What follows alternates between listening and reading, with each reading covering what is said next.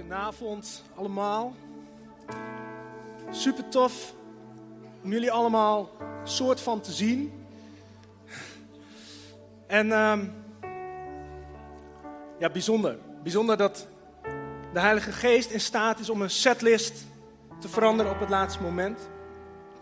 Bijzonder dat de Heilige Geest spreekt tot mensen en dat de Heilige Geest ook jouw hart vanavond wil aanraken. Wie gelooft dat?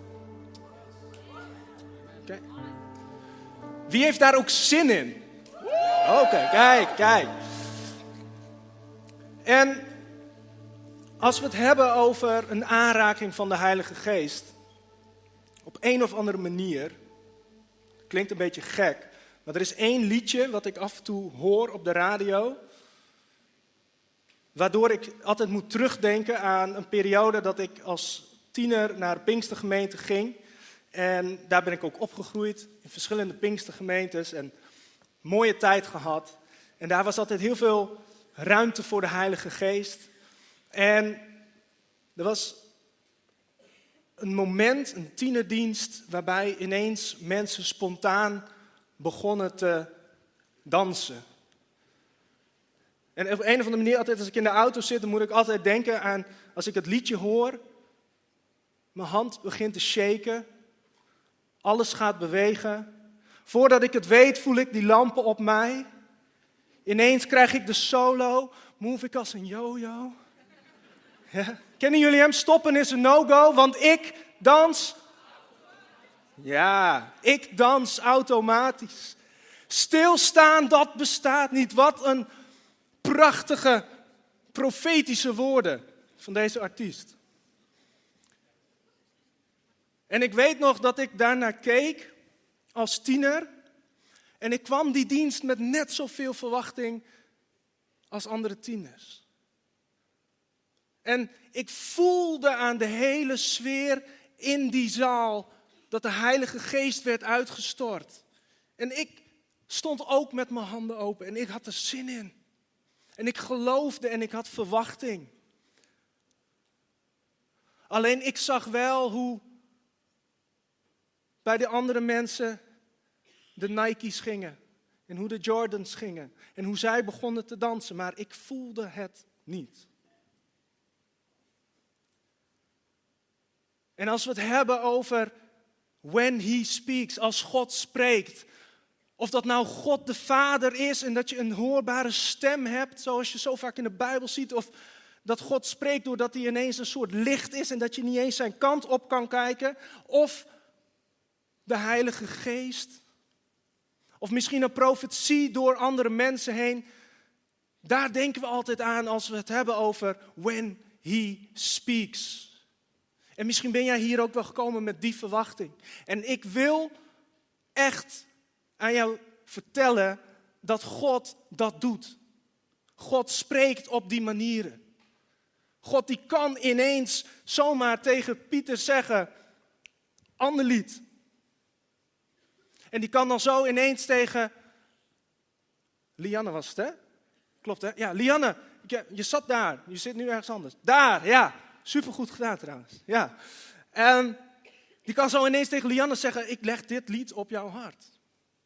En dat is gewoon realiteit. Dat is God die spreekt in deze tijd. Dus God is niet een ouderwetse God die vroeger sprak. Nee, God spreekt ook nog nu.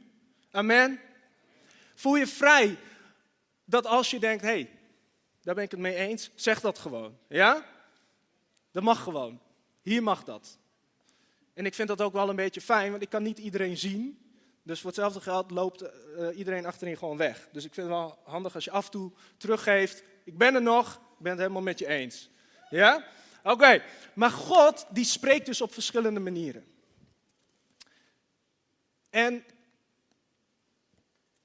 we zeggen vaak in deze kerk, en, en alle, alle hè, er zijn hier ook superveel gasten. Dus misschien kom je uit een andere gemeente en hoor je vaak de woorden: strek je uit naar meer van God. Strek je uit naar de Heilige Geest. En ik ben het daar helemaal mee eens. En ik vind dat ook prachtig. Alleen, ik weet ook hoe het is om in een periode van je leven te zijn, als je jong bent, of misschien zelfs als je oud bent. Dat je zo ontzettend hongerig bent naar de Heilige Geest, zo ontzettend hongerig bent naar de stem van God verstaan. En tegelijkertijd duurt het maar en duurt het maar. En het lijkt alsof hij maar niets wil spreken. Of je hebt het gevoel van, doe ik dan iets verkeerd? Waarom anderen wel en waarom ik niet? Misschien herken je dat wel. Ik vraag je niet om je hand op te steken, want misschien voelt dat voor jou wel als iets wat je eigenlijk helemaal niet chill vindt, dat je daarmee loopt. En voordat ik naar mijn preek ga, wil ik jullie toch meenemen in een getuigenis. Ik heb ongeveer vanaf mijn dertiende tot mijn zestiende God elke zondag gesmeekt of ik in tongen mocht leren spreken. En elke keer weer. En ik weet ook niet waarom ik dat verlangen had, want misschien was het ook wel helemaal, kreeg ik het ook wel niet, omdat het niet vanuit de juiste verlangens was. Maar ik dacht gewoon, ja, het is gewoon super vet. En ik zie mensen dat doen en er gebeuren dingen, en mensen genezen spontaan. En ja, weet je, dat, het staat in uw woord dat, als, dat wij ook gewoon in tongen kunnen spreken. Dus Heer, ik wil dat. Wilt u dat aan mij geven? En het kwam maar niet en het kwam maar niet. Tot ik gewoon op een punt kwam dat ik het gewoon maar heb losgelaten. Nee, dan niet. Dan zal het toch wel niet van deze tijd meer zijn.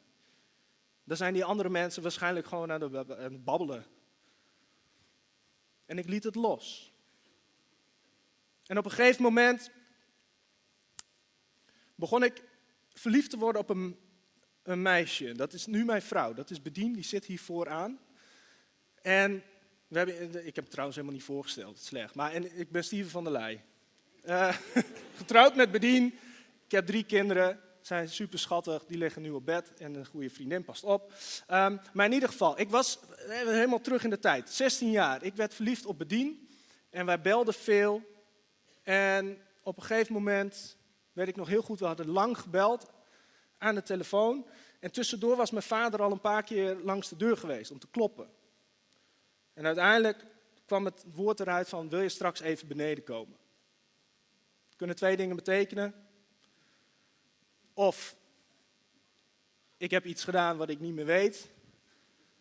Um, of mijn vader dacht dat ik iets had gedaan dat ik niet meer weet. Maar in ieder geval, het, ik, ik, ik had het idee, dit gaat niet goed komen. Maar ik naar beneden, met vlinders in mijn buik, helemaal verliefd. En toen kom ik beneden en mijn vader zit daar in de stoel. En ik weet nog heel goed, ik weet niet meer precies wat hij die dag had gedaan, maar hij was in ieder geval uit het ziekenhuis.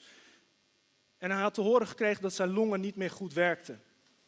Hij had helemaal niet per se een prognose gekregen, hij had niet iets meegekregen hoe lang het nog zou duren, maar hij had wel gehoord dat het niet goed was. En ergens in hem zat een gevoel, een angst, waardoor hij tegen mij zei: Steven, ik was toen de enige nog thuis. Mijn broers en zus waren al uit huis. Als ik er straks niet meer ben, dan moet je echt op mama letten.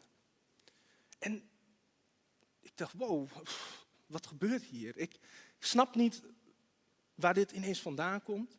Wat is deze verantwoordelijkheid? Ik was 16. Uiteindelijk, prijs God, hebben we daar echt nog 15, 16 jaar, heeft hij daarna nog geleefd. En dat was echt uh, gelukkig Ehm, heeft hij ook gewoon echt nog een goed leven gehad daarna. Maar ik ging dus weer naar boven met een intens diepe angst, wanhoop. En wat doe je als je een goed christen bent en je je zo wanhopig voelt? Dan bel je het meisje waar je verliefd op bent. nou, dat, hebben we, dat was een heel kort gesprek. Volgens mij lag je toen al op bed, dat weet ik niet meer precies. Maar in ieder geval, ik kon mijn verhaal doen. En dat luchtte ook wel een beetje op, maar uiteindelijk hing Berdien op en ik begon te bidden.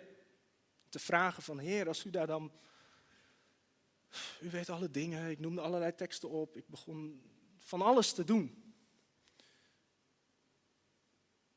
En ik begon te huilen en ik begon te smeken. En ik weet nog heel goed dat het echt wanhopig was. Ik was bang. Ik was bang dat mijn vader zou sterven. Ik was bang dat ik alleen in dat huis zou zijn met mijn moeder. En toen dacht ik, misschien moet ik harder bidden. Misschien moet ik anders bidden. En ik weet nog dat ik naast mijn bed ben gaan knielen. Want dat had ik een soort van geleerd, zowel de zonderschools van mijn ouders. Als er echt iets is, dan moet je naast je bed gaan knielen. Dus dan, dan is het echt. Dus ik knielen en knielen en geloof mij als ik zeg dat op een gegeven moment hoorde ik mezelf bidden. En ik sprak niet meer in mijn taal. Ik sprak de taal van de Heilige Geest. Ik zocht er niet naar, maar het werd gewoon gegeven, terwijl ik het al lang had opgegeven. Ik was er niet eens mee bezig, maar ik zat zo diep in mijn pijn en in mijn emotie en in mijn angst en in mijn bleuheid dat ik het allemaal niet begreep. En uiteindelijk, ik kreeg gewoon die Heilige Geest. Dus ik weet dat God op die manier werkt. En zo kan ik eigenlijk een heel avondprogramma vullen met dat soort voorbeelden. Ook voorbeelden die mijn ouders hebben meegemaakt op het zendingsveld. Voorbeelden van vrienden die ingrepen hebben gehad van Gods stem. Ik weet dat het zo werkt en ik gun het jou dat je dat gaat ervaren. Maar wat als je nu in een periode van je leven zit waarin je het niet voelt? Waarin het voelt alsof het muis stil is. Waarin het voelt alsof de Heilige Geest wel nog steeds waait, maar nooit jouw kant op. Ik wil niet een vibe killer zijn. Ik weet niet wie hier vorige maand allemaal waren bij de vorige Kingdom Culture dienst. Wie was er allemaal bij? Ja. Nou ja, dat, ik, heb het, ik was er niet bij, maar ik heb het teruggekeken. Ik dacht zo, een hoge lat, uh, Ashwin. Wel echt vuur was dat. Dus ik dacht, wauw, super. En ik had dezelfde, bijna dezelfde tekst gekregen. Um, en ik dacht, weet je wat, ik, ik ga daar gewoon op voortborduren. Want ik wil ook wel lekker in die flow. Alleen, het leek net alsof God een, een soort juk op mijn hart legde. En echt zei van, ja maar, er zijn ook mensen tot wie ik probeer te spreken of waarvan ik weet dat ik daartegen ga spreken. En ze wachten al zo lang. En die mensen, die in de stilte zitten, daar wil ik me tot richten. Dus voel je vrij om te gaan dansen als de Heilige Geest jou dat ingeeft. Dat mag nog steeds. Maar het kan misschien voelen alsof ik wat serieus word. En dat is niet misschien voor iedereen. Maar ik denk dat hier een grote groep mensen is gekomen vanavond. En misschien ook wel thuis mensen die kijken. Die heel goed en heel duidelijk dit verstaan. Ja, ik ben op een plek waarin ik wel verlang naar Gods stem. Maar ik heb hem al zo lang niet gehoord. En ik wil je eigenlijk meenemen naar het leven van Jezus. En dat Jezus zelf zo'n periode heeft gehad. Ik wil met jullie gaan naar Matthäus hoofdstuk 3. En dan vanaf vers 16. En dan gaan we het ik, ik, denk dat de meesten van jullie het verhaal wel kennen, maar even kort samengevat. Jezus komt bij de Jordaan en daar is zijn neef en die is daar allemaal mensen aan het dopen. En die vertelt over dat er een nieuwe Messias gaat komen en hij weet dat dat zijn neef Jezus is. Dus Jezus komt daar, hebben ze eerst nog even een discussie van, hé hey Johannes, ik wil graag dat je me doopt. En Johannes zegt, nee joh, dat kan toch helemaal niet, je moet mij dopen. Ja, doe het nou maar staat geschreven, ik wil graag dat je me doopt, we moeten gehoorzaam zijn. Dus zij in de Jordaan, Johannes de doper doopt Jezus. En zodra Jezus gedoopt was en uit het water omhoog kwam, opende de hemel zich voor hem en zag hij hoe de geest van God als een duif op hem neerdaalde. En uit de hemel klonk een stem, dit is mijn geliefde zoon, in hem vind ik vreugde. Dat is pas God die spreekt. Dat is altijd de tekst die bij mij te binnen schiet op het moment als er een thema zoals dit op het beamer staat. when he speaks, dan denk ik altijd automatisch of ik die tekst nou heb gekregen van Mark Stoorvogel of niet. Die tekst schiet mij altijd te binnen. Dat de Heilige Geest op Jezus komt en zegt: Dit is mijn geliefde zoon. Een stem hoorbaar uit de hemel. Dat is wat we allemaal willen, toch? En Jezus hoort die stem. En dan kan het niet anders dan dat als je zo'n stem hoort, dat jouw leven vanaf dat moment, poem, helemaal vet wordt. Dat je niks meer anders kan dan van de rest van je leven automatisch dansen. Dat is wat we allemaal willen. En dan zit er een klein stukje wit, waar geen tekst staat. En dan kom je in het, automatisch in het volgende hoofdstuk. Dus Jezus komt uit dat water. Hoort, dit is mijn geliefde zoon van de Heilige Geest. En de volgende tekst die er staat geschreven is: Daarna werd Jezus door de Geest meegevoerd naar de woestijn om door de duivel op de proef gesteld te worden. Waarom? Hè? Wat een grote anticlimax. Wat een groot verschil tussen Jezus die in zijn identiteit wordt gezet door zijn hemelse vader. En ineens wordt dat weggeslagen, lijkt het. En wordt hij bewust meegenomen. Komt hij op een plek waar hij het helemaal alleen moet doen. Nadat hij 40 dagen en 40 nachten had gevast, had hij grote honger. En toen kwam de beproever naar hem toe en zei: Als u de zoon van God bent, beveel die stenen dan in broden te veranderen. We zien hier een stuk in Jezus zijn leven waarin hij, ook hij, de zoon van God, op de proef wordt gesteld. En hij krijgt de beproever achter zich aan. En die begint hem vragen te stellen. En Ashwin zei het de vorige dienst ook al. Zo geniepig. Helemaal niet als een eng satanistisch wezen. Nee, gewoon als een soort normaal persoon die fluistert. En eigenlijk een soort tussen de regels doorzegt: waar is God dan? Waarom zorgt hij nu niet voor jou dan? Waarom spreekt hij niet dan? Je hebt toch ooit een keer Jezus aangenomen? En hij zou je toch verlossen van al je zonden? Nou, waarom voel je er dan nog zoveel schaamte? Waarom voel je dan nog zoveel schuld? Eigenlijk alle dingen die de beproever hier tegen Jezus zegt. hij stelt hem drie verschillende vragen. En alle drie hebben die op een bepaalde manier te maken met zijn identiteit. Jij bent toch die zoon van God die dingen kan regelen? Regel het dan.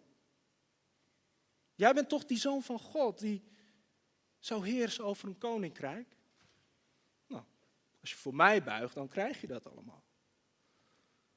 Dus hij bezet hem eigenlijk op het moment dat God ver weg voelt, dat de Heilige Geest ver weg voelt. Anticlimax, want hij had al vet grote dingen meegemaakt. Hij had die stem al gehoord van zijn vader. Hij wist wat het plan was. En ineens zit hij in zo'n donkere periode in zijn leven waar het even helemaal stil, hongerig, dorstig is. Niemand die hem helpt. En waar pakt de beproever hem op zijn identiteit? Wie denk je wel niet die je bent? En er zitten hier mensen in de zaal. En er zitten ook mensen thuis. Waarvan ik zeker weet dat dit precies datgene is. Waar jij zoveel last van hebt. Ja, aan de ene kant geloof ik in alles wat in de Bijbel staat en alles wat God zegt. En ja, ik geloof dat Hij tot mensen spreekt, maar ik zit nu in een periode in mijn leven dat ik niks meer hoor. Niks meer zie. En het lijkt wel alsof de enige stemmen die ik wel hoor, de stemmen zijn van twijfel. De stemmen zijn die me een andere kant op proberen te praten. Stemmen die rechtstreeks tegen mijn identiteit in proberen te praten. En wat die drie vragen ook zijn die de beproever stelt. Wat de vragen ook zijn in jouw leven. Ik wil jou meenemen naar een heel bijzonder iets wat mij de ogen heeft geopend. Een periode geleden al, maar waar ik steeds meer bij bevestigd word. Want wat, wat Jezus hier zegt als reactie, is in vers 4. Jezus gaf hem ten antwoord, er staat geschreven. De mens leeft niet van brood alleen. En dan stelt Satan weer een andere vraag en dan antwoordt Jezus, er staat ook geschreven, stel de Heer uw God niet op de proef. En dan wordt er weer een vraag gesteld. En ik, ik, ik, lees bewust de vragen niet voor, omdat ik geloof dat iedereen verschillende vragen krijgt van de beproeven. Alleen, ik hoop, waarschijnlijk heb je het nu al door, maar ook voor de derde keer zegt Jezus: Ga weg, Satan, want er staat geschreven.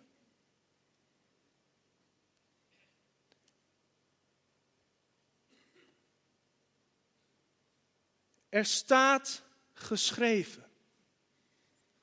Ik weet niet of je dit weet, maar het woord van God sprak toen door Jezus heen. Maar datzelfde woord van God kunnen wij nu elke dag openslaan. En weet je wat zo mooi is? Gods Heilige Geest spreekt nog steeds door diezelfde woorden. Wie gelooft dat? Wie gelooft dat het woord van God tijdloos is, als een tijdmachine? Duizenden jaren geleden werden profetieën uitgesproken, die zijn uitgekomen. En sommige komen nog steeds uit en sommige gaan nog uitkomen. God heeft woorden gegeven die ook voor jou gelden.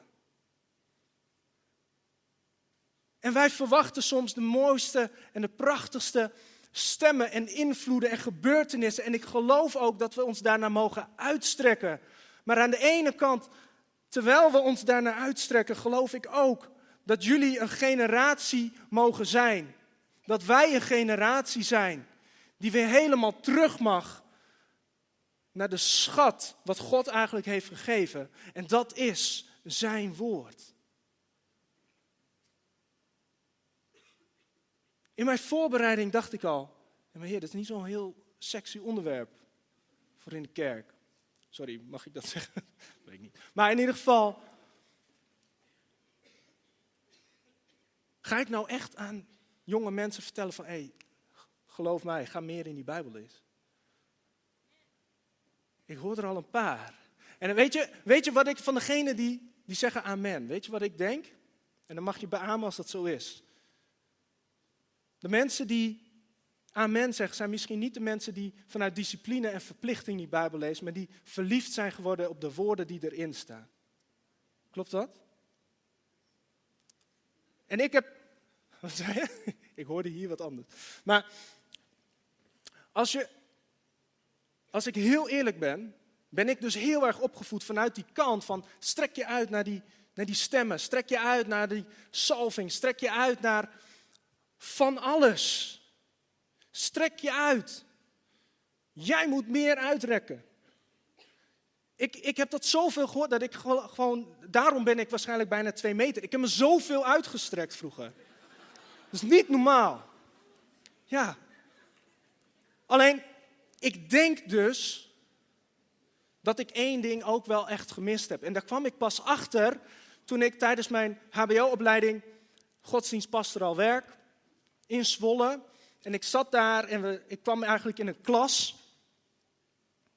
En ik was een van de weinigen die wat uit de evangelische Pinksterhoek kwam. En de rest kwam allemaal uit uh, de gereformeerde hervormde hoek. En er was, er was één jongen en, want iedereen die moest opschrijven uit welke kerkelijke denominatie die kwam. En er was één jongen waarvan ik dacht, yes, dat is er een van mij. Want hij had PKN opgeschreven. En ik dacht, dat is een afkorting voor Pinkstergemeente. Waarom, weet ik niet. Het klopt niet eens. Maar ik dacht, prijs God, ik ben niet alleen. Want daar zit nog iemand uit de Pinkstergemeente. Nou, dat was echt niet zo. maar wij werden aan elkaar gekoppeld. Ik raakte met hem in gesprek. En weet je wat zo vet was? We werden een soort van jaloers op elkaar. Want hij zei, hoe weet jij dat God bestaat dan? En ik zei, ja, ik heb dit meegemaakt, ik heb dit meegemaakt. Ik heb hem hier gezien en ik heb hem hier gevoeld. En dat was allemaal waar. En ik zei, en waarom geloof jij in God dan? Wat heb jij meegemaakt? Ik zei, ik heb niks meegemaakt, maar... En hij noemde allemaal bijbelteksten op. God zegt in hoofdstuk dit van Bijbelboek dat. Ik ben het nu dus alweer vergeten, dat kun je nagaan. En hij, hij, kon, hij kon wel uren doorgaan. Hij kende die hele Bijbel uit zijn hoofd. En naarmate hij al die teksten opnoemde, zag je echt alsof hij level up ging in een of ander spel, alsof hij extra energie kreeg. En ik dacht, wat? En ik dacht, hij, hij wordt dus zo bevestigd door Gods woord. En hij dacht, oh man, hij wordt zo bevestigd door Gods geest. We hebben elkaar de hand geschud en we hebben gezegd, wij moeten van elkaar leren. Wij moeten dit samen gaan doen. Volgens mij is dit de perfecte combi. Amen. Volgens mij is het Gods geest aan de ene kant en Gods woord aan de andere kant. En dat samen. Wauw, serieus. Want ik geloof dat hier mensen zijn die echt te horen moeten krijgen van God ergens in hun leven. En misschien gebeurt dat vanavond. Dat je te horen krijgt, jij bent mijn geliefde zoon. Jij bent mijn geliefde dochter. En tegelijkertijd weet ik ook dat hier mensen zijn. Die mogen opnieuw verliefd worden op de woorden die hier geschreven staan. Want het woord van God spreekt altijd. Het woord van God spreekt altijd. En ik wil met jullie naar Hebreeën 4, vers 12. Want misschien ben je wel, net zoals ik. Mark, wil je mij die tas even aangeven? Yes, dankjewel. Misschien ben je wel net als ik. Dit is mijn rugtas, want daarmee doe ik even wel alsof ik een jonge tiener ben. Ja. Ik kan niet mijn baard afscheren, dus uh, toen ik jong was. En dan, ik kwam uit de tijd dat, dat je één band deed als je dacht dat je stoer was. Ja? Dus, zo, en ik liep zo. En in die tijd toen ik 16 was, hoorde ik altijd: lees je Bijbel, bid elke dag. En ik zag mijn ouders het altijd doen en ik zag iedereen het doen. Alleen dat, daar had ik helemaal geen tijd voor. En ik wou dat helemaal niet. En ik snapte het nut er ook niet van. En ik geloofde in God, ik geloofde in Jezus, ik geloofde in de Heilige Geest, maar ik geloofde niet zo in die Bijbel. En ik geloof en ik wil dat echt op jullie hart drukken. Ik, ik ben nu echt verliefd op Gods woord. En het liefst probeer ik daar zoveel mee bezig te zijn. Maar als het kan, als je nu de tijd hebt en je bent jong en je kan die tijd maken, het heeft te maken met prioriteit, maar ga in dat woord duiken, ga die Bijbel lezen. En waarom? Niet omdat dat moet. Geloof mij, discipline is supergoed. En ik geloof ook dat het je kan helpen om bepaalde stappen te maken in je leven. Maar ik geloof dat dat niet de reden is waarom je de Bijbel moet lezen. Wat ik geloof is dat je die Bijbel mag lezen, omdat dat eigenlijk een soort liefdesverklaring is van God. Een soort draaiboek van hoe Hij de wereld ziet. Een soort handleiding. Het zoveel verschillende dingen. En door elke dag in die Bijbel te lezen. Gewoon jezelf een beetje erin te verliezen. Gewoon te lezen. In het begin voel je misschien helemaal niks. Het kan zelfs zijn dat je het een maand lang elke dag doet, dat je nog steeds niks voelt. Weet je wat je wel doet? Je pakt eigenlijk allemaal beloftes van God, dingen die God tegen je zegt, en die stop je in je bagage.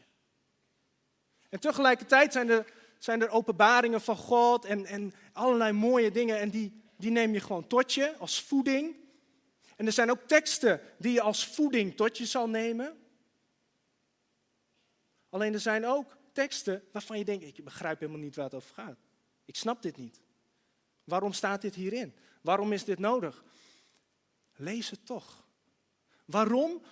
Je stopt het allemaal in je tas en dan komt er een periode in je leven dat je God niet meer ervaart. Dat je niks meer lijkt te voelen. En dat die beproever komt en die zegt: Oké, dus jij denkt dat God nog steeds van je houdt. Oké, ook naar wat je gisteren dacht. Ook naar wat je gisteren hebt gedaan. Denk je echt dat je nog steeds een kind van God bent? En dan ga je terug in, in al die mooie dingen die je hebt gelezen en al die ingewikkelde dingen die je hebt gelezen. Al die dingen uit Gods woord. En dan grijp je terug in je bagage naar het woord van God. Wat in de Bijbel staat, is als een tweesnijdend zwaard. Amen. Ja. Dit wil ik altijd al doen. Maar, maar dit, kijk, ik zal het even uitleggen waarom het hier staat. Dit is niet gewoon omdat ik het heel vet vind. Het woord van God, Hebreeën 4, vers 12. Het woord van God is levend en krachtig en scherper dan een tweesnijdend zwaard. Let op, het dringt diep door tot waar ziel, geest, been, merg elkaar raken. En het is in staat de opvattingen en gedachten van het hart te ontleden. Doe het nog één keer. Ja? Hoe vet als dat, dat eruit ziet, zo indrukwekkend is het woord van God tegenover de tegenstander. Het enige wat Jezus doet, is zeggen, er staat geschreven. Hij pakt terug op de woorden die gesproken zijn door de profeten. Waarvan hij weet, dat heeft mijn vader gezegd. Dit is er gezegd. Daar hou ik me aan. En dat geldt ook voor mij. En dat geldt ook voor jou. Dus als die tegenstander er weer aankomt. Als die tegen jou zegt in jouw donkere periode, in jouw stille periode in jouw leven, waar is God dan? Waarom sta je hier alleen dan? Als je dan voor iemand buigt, waarom ben ik dan de enige waarvoor je kan buigen en is God zo ver weg? Dan kun je uit je rugtas als het ware dat woord van God halen. En je kan hem op afstand houden. En zeggen, in het woord staat geschreven, dit en dit en dit. Daarom is het woord van God zo belangrijk. Want Gods geest spreekt door dat woord heen. Dus er hoeft nooit een periode in jouw leven te zijn waarop je Gods geest niet verstaat. Alleen soms moet je in plaats van uitstrekken, even gaan zitten en die Bijbel openslaan. En misschien spreekt hij niet altijd, maar geloof mij, als God mij op het moment dat ik er totaal niet naar zocht, in tongen laat spreken omdat ik zelf de woorden niet meer had, dan zal Hij jou ook, als jij gewoon trouw gelooft in Zijn woord, jou de, de juiste momenten, de juiste inzicht geven om het te begrijpen. Wie is daarvan overtuigd? Amen. En wie van jullie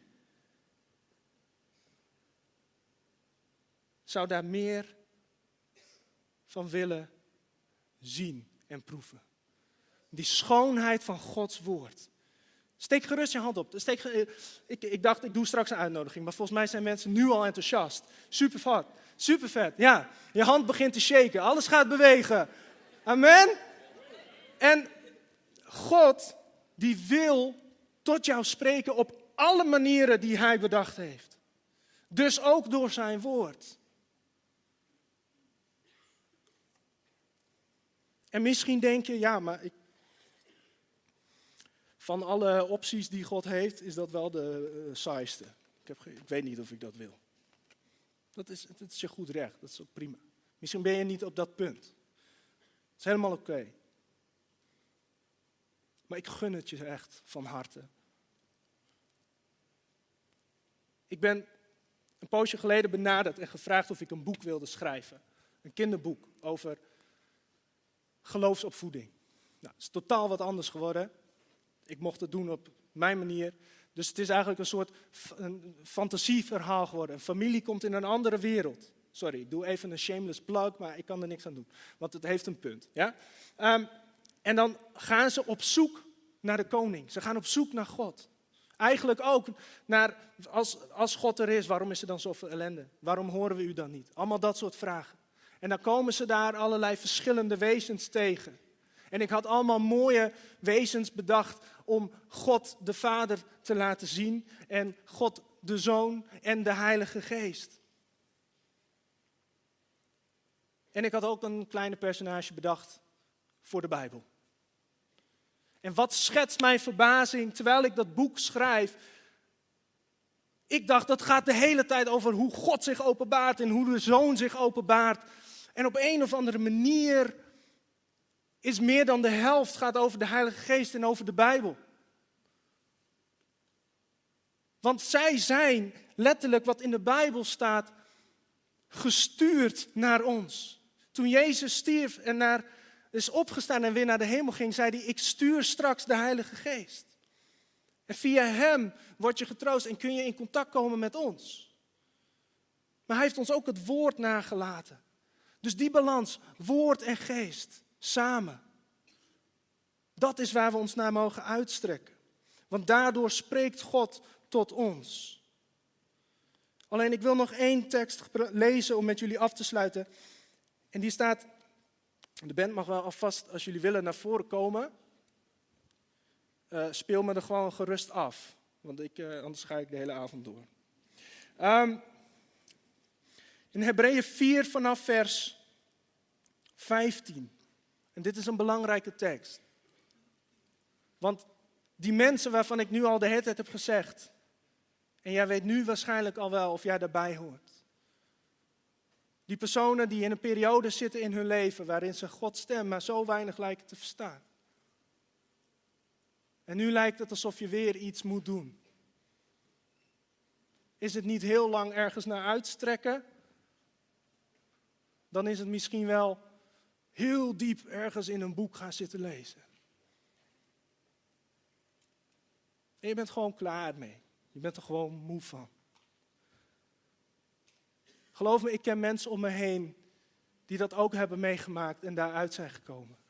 Ik heb ook een periode in mijn leven gehad dat het even heel erg donker voelde en dat ik ook het gevoel had dat ik letterlijk niet meer in contact kon komen met God, met Jezus, met de Heilige Geest.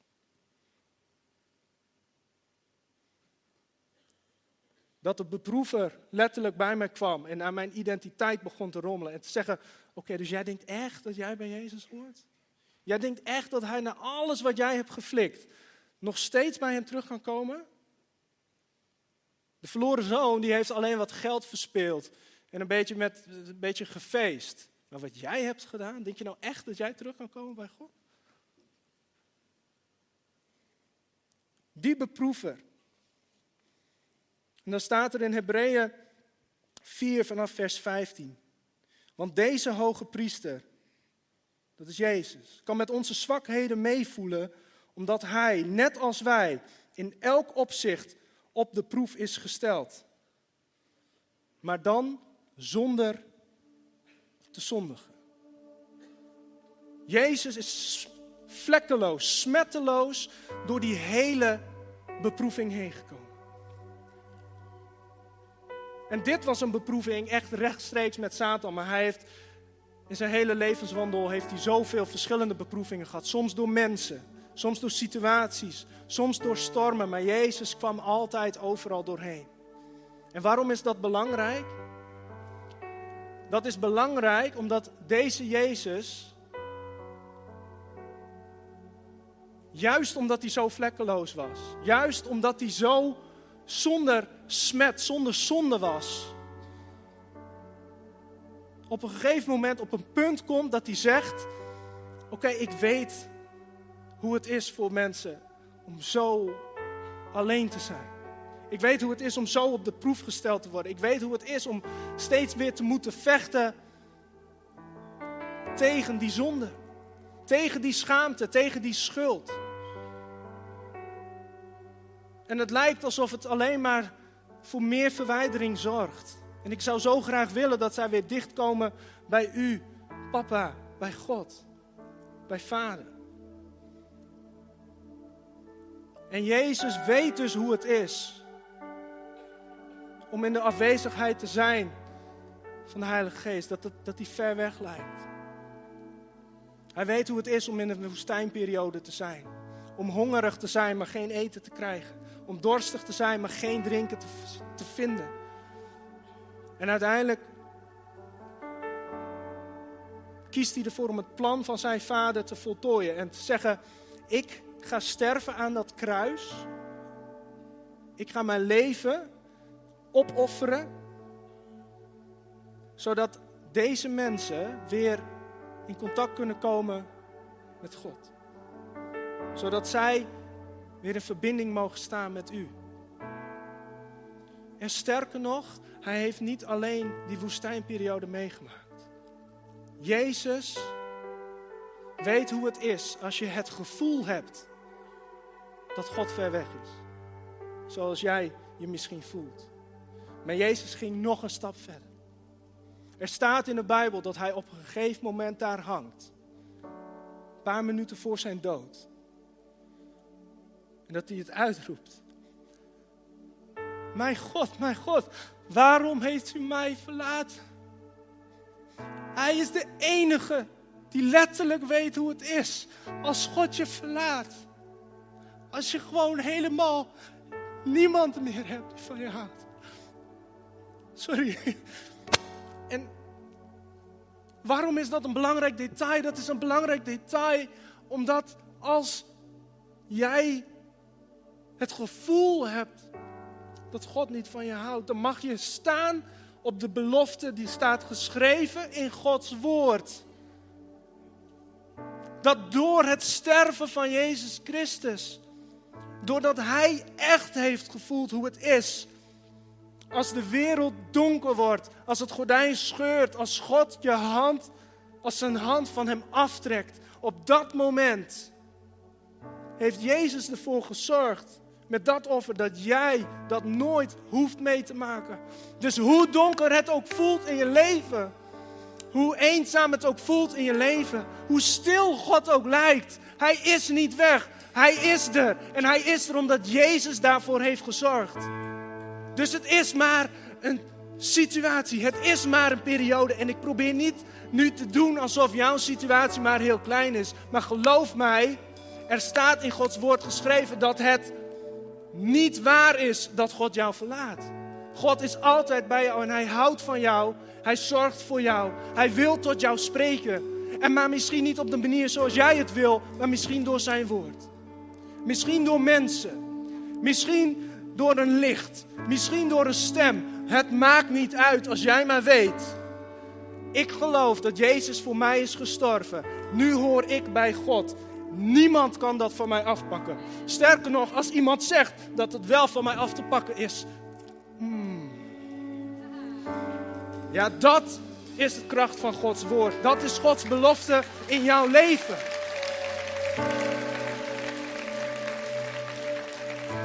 Wil jullie vragen om te gaan staan. En ik wil vragen twee dingen. Een van die dingen is of jij je hart aan de Heer Jezus wil geven als je dat nog nooit hebt gedaan. Sorry, ik heb daar niet echt een opbouw in. Maar ik heb ooit een keer een poosje, een flinke poos geleden, een keer meegemaakt dat ik het vroeg en dat niemand zijn hand opstak. En mijn vlees zei op dat moment: ik vraag het nooit weer. Maar ik wist, God wil altijd, elke dienst, elke plek waar je bent, de kans geven dat als iemand zijn hand in de lucht wil steken en zijn hart aan Jezus wil geven, dan moet dat moment aangeboden worden. En ik geloof dat die mensen hier zijn. Ik geloof, sterker nog, dat jij ergens halverwege de preek al heel duidelijk voelde van, oh nee, die vraag gaat komen. En oh nee, ik wil het niet. Maar ergens diep van binnen voel jij die hand begint te shaken, alles gaat bewegen. Want je weet, ik wil daarbij, ik wil bij Jezus horen. Ik wil je wel helpen door als we allemaal onze ogen willen sluiten. Geef elkaar wat privacy. Maar als jij weet dat hoe jij, dat offer van Jezus, heeft ervoor gezorgd dat jij altijd bij God mag zijn. Dat Hij altijd bij jou is. Ook al spreekt Hij nu misschien niet, Hij gaat tot je spreken. Op wat voor manier dan ook. En als jij zeker weet, ik wil bij Jezus horen. Ook al snap ik nog, nog steeds niet helemaal precies hoe het zit. Ook al heb ik er nog helemaal niet de theoretische kennis over. Dat geeft helemaal niet. Diep van binnen weet jij heel goed, ik moet nu kiezen. Als dat zo is, tel ik tot drie en dan wil ik dat je gewoon je hand opsteekt. 1, 2, 3. Steek je hand maar op. Halleluja, amen. Yes, God ziet jullie handen. Ik kan wel zeggen links, rechts of midden, maar God ziet al jullie handen. Amen. En ik wil vragen aan de gemeente, iedereen die hier is, om kort een gebed samen met mij mee te bidden, zodat deze mensen ook hardop kunnen bidden. In de anonimiteit, maar wij gaan gewoon meebidden. Ja, zullen we dat doen? Trouwe God en Vader, lieve Heer Jezus, ik geef mijn hart aan U. Ik bekeer me van mijn oude leven. Ik geef mijn hart. Ik geef mijn ziel. Ik geef mijn verstand aan u volledig. En ik geloof in de belofte dat ik nu een kind van u ben. Vanaf nu, voor altijd, ben ik uw kind. Dank u wel. Amen. Laten we deze mensen een hard applaus geven.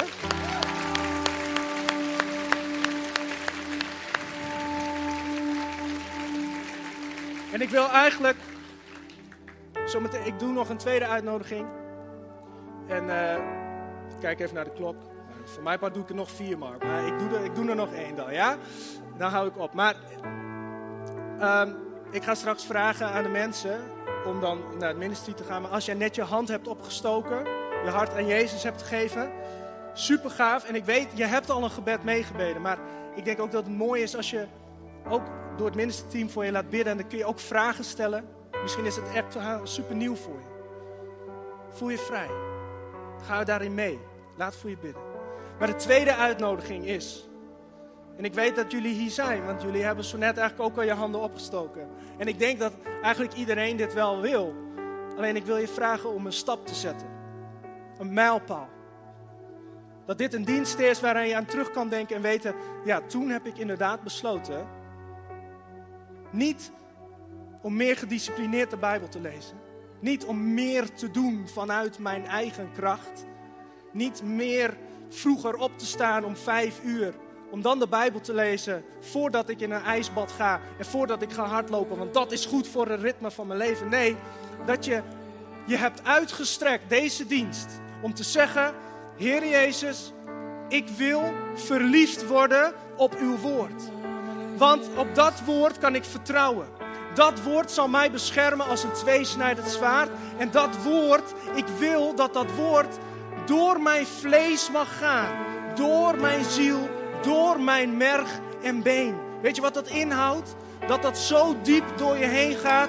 Dat het door je vleeselijke verlangens heen gaat. Maar ook door datgene wat jou recht ophoudt.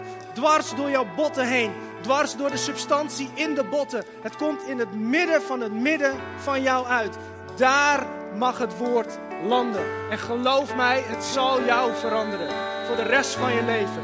Als jij dat wil, dan wil ik je vragen tijdens het zingen van het volgende lied, loop gewoon naar het ministerie en zeg: Ik wil verliefd worden op dit woord van Jezus. Ik wil verliefd worden op het woord van God.